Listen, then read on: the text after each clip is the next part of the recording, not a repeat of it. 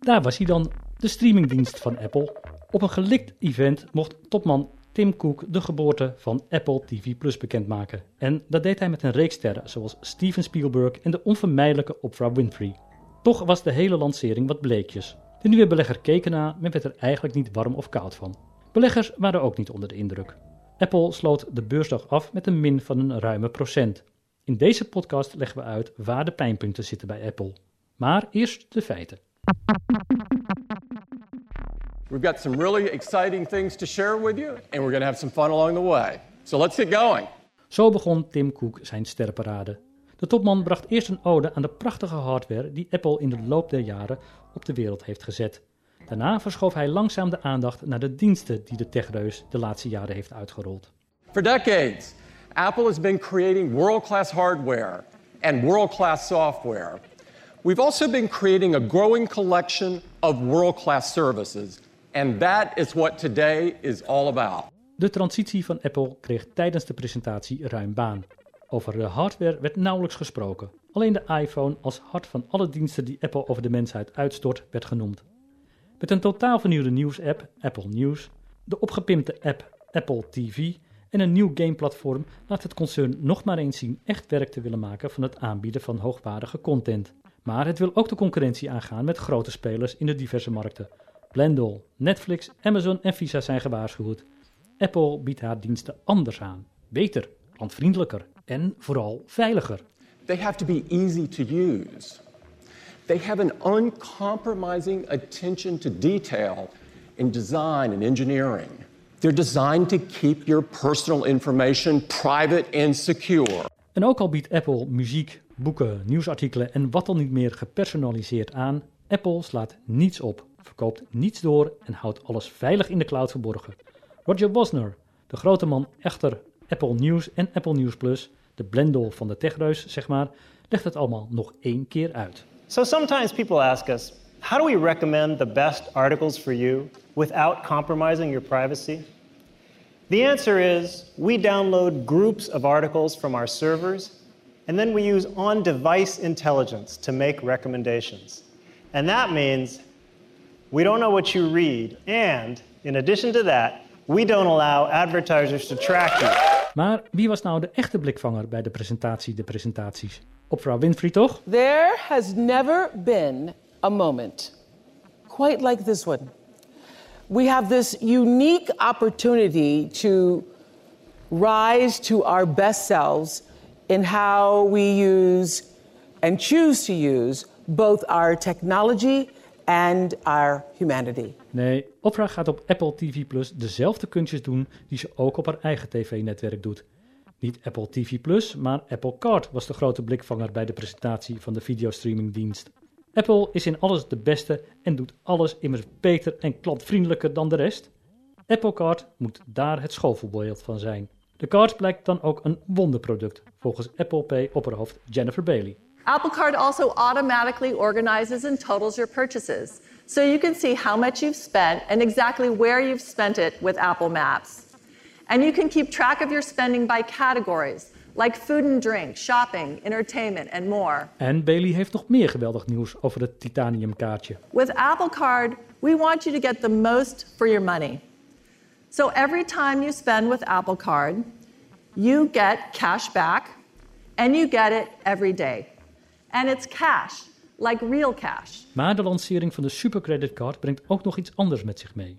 De statige zakenbank Goldman Sachs gaat zich nu nog meer met consumentenbankieren bemoeien. Bailey legt uit waarom juist het stoffige Goldman met Apple wil spelen. To create a credit card, you need a bank. And to create a credit card as innovative as Apple Card, we needed a bank that was willing to do things that had never been done in the industry before. So we partnered with Goldman Sachs as the issuing bank of Apple Card. As a newcomer to consumer financial services, Goldman was up for the challenge of doing something more bold and innovative. Goldman Sachs ziet de samenwerking helemaal zitten, zegt CEO David Solomon. Waarschijnlijk niet om de toegang tot de data van gebruikers te krijgen, want Apple deelt niks, toch, Jennifer? And Apple Card is designed with your privacy in mind. We created a unique ar- architecture for Apple Card where Apple doesn't know what you bought, where you bought it, or how much you paid for it. So features like spend tracking and categorization all happen using on-device intelligence, not on Apple servers. Ook Goldman Sachs mag dus niets met de data doen. Toch is de bank blij. Volgens Solomon haalt Goldman in één klap namelijk het meest innovatieve techbedrijf ter wereld binnen.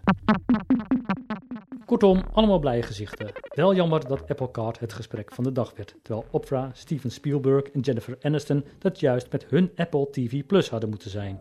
Content is king en daar is Apple inmiddels ook wel achter. iTunes en Apple Music mag je in die zin de geslaagde voorbeelden van de transitie van Apple van een hardware naar een meer servicegericht concern noemen. In audiostreaming blijft Apple een grote speler, ondanks Spotify en de Google-diensten. Apple News zal met de nieuwe dienst Apple News Plus het lezen van tijdschriften en kranten een hele nieuwe dimensie geven.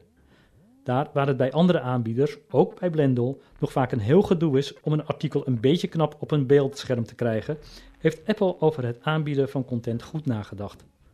Wat wel tegenstaat is het toontje waarmee Cook over de concurrenten praat. We believe in the power of journalism and the impact it can have on our lives.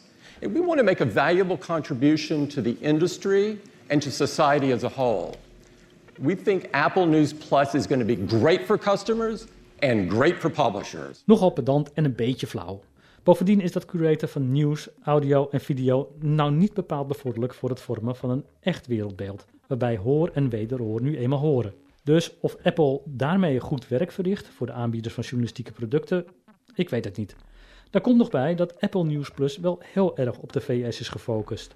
Make America Great Again lijkt dan ook te beginnen bij Apple, voorlopig althans. Dan zegt Oprah tenminste de waarheid. De presentatrice heeft al haar eigen platform, maar toch gaat ze met Apple in zee. Want I've joined in order to serve this moment because the Apple platform allows me to do what I do in a whole new way, to take everything I've learned about connecting to people to the next level.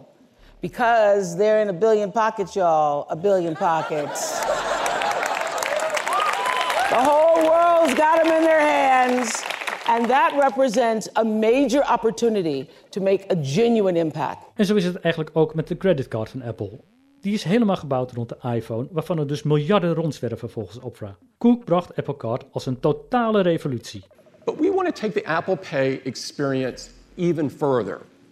And we saw an opportunity to transform another fundamental method of payment. And that's the credit card. Maar nu we er allemaal een nachtje over geslapen hebben, blijkt dat eigenlijk helemaal niet zo te zijn. David Ritter, fintech-analyst bij Bloomberg, denkt niet dat Apple Card de creditcardwereld zal opschudden. Integendeel. Om het een beetje plat te zeggen, Apple Card is oude wijn in nieuwe zakken. En een excuus om nog meer met je iPhone in je handen te zitten. Maar daar is het Apple natuurlijk allemaal uiteindelijk om te doen. What a fun morning. Als er iemand heeft genoten van de hele sterrenparade in het Steve Jobs Theater, dan is het natuurlijk Tim Cook zelf wel. Te hopen is dat hij ook echt heeft genoten, want de tijd is nu aangebroken om alle beloftes in te wilgen. En dat zijn er nogal wat. Apple News Plus heeft tot nu toe zo'n 300 titels waaruit lezers kunnen kiezen. Volgens ons heeft Blendel er veel meer. De dienst moet dit jaar verder worden uitgerold naar Australië en Europa. Maar het is de vraag of dat een succes wordt. Apple Card komt ergens in het najaar. Apple belooft een hele hoop. Naast gebruikersgemak, cashbacks, intuïtieve overzichten en transparantie in de betalingen nog veel meer. So Apple Card does not have any fees. No late fees, no annual fees, no international fees and no overlimit fees. En dan Apple TV Plus. Het is een teken aan de wand dat na de presentatie Apple op de beurs verloor en Netflix juist zo'n anderhalf procent won. Met Opera en een uit de mottenballen gehaalde serie van Steven Spielberg heb je als streamingdienst tegenover Netflix eigenlijk gewoon het nakijken. En dan barst straks ook nog het geweld op de streamingdienst van Disney los. Apple is wel zo slim geweest om Apple TV voor diverse platformen beschikbaar te maken. Maar of de kijkers nu allemaal massaal gaan overstappen? Van al het nieuwe dat Apple liet zien is eigenlijk alleen Apple News Plus concreet. Voor 10 dollar de beschikking hebben over zo'n 300 titel. Meer is er niet. Gebruikers en beleggers moeten dus zeker tot na de zomer wachten tot ze met Apple Card hun abonnementje op Apple TV Plus kunnen aanschaffen. Als er al een momentum was, dan is die tegen die tijd wel verdwenen en moet Cook opnieuw met traantjes in zijn ogen Opera omhelzen.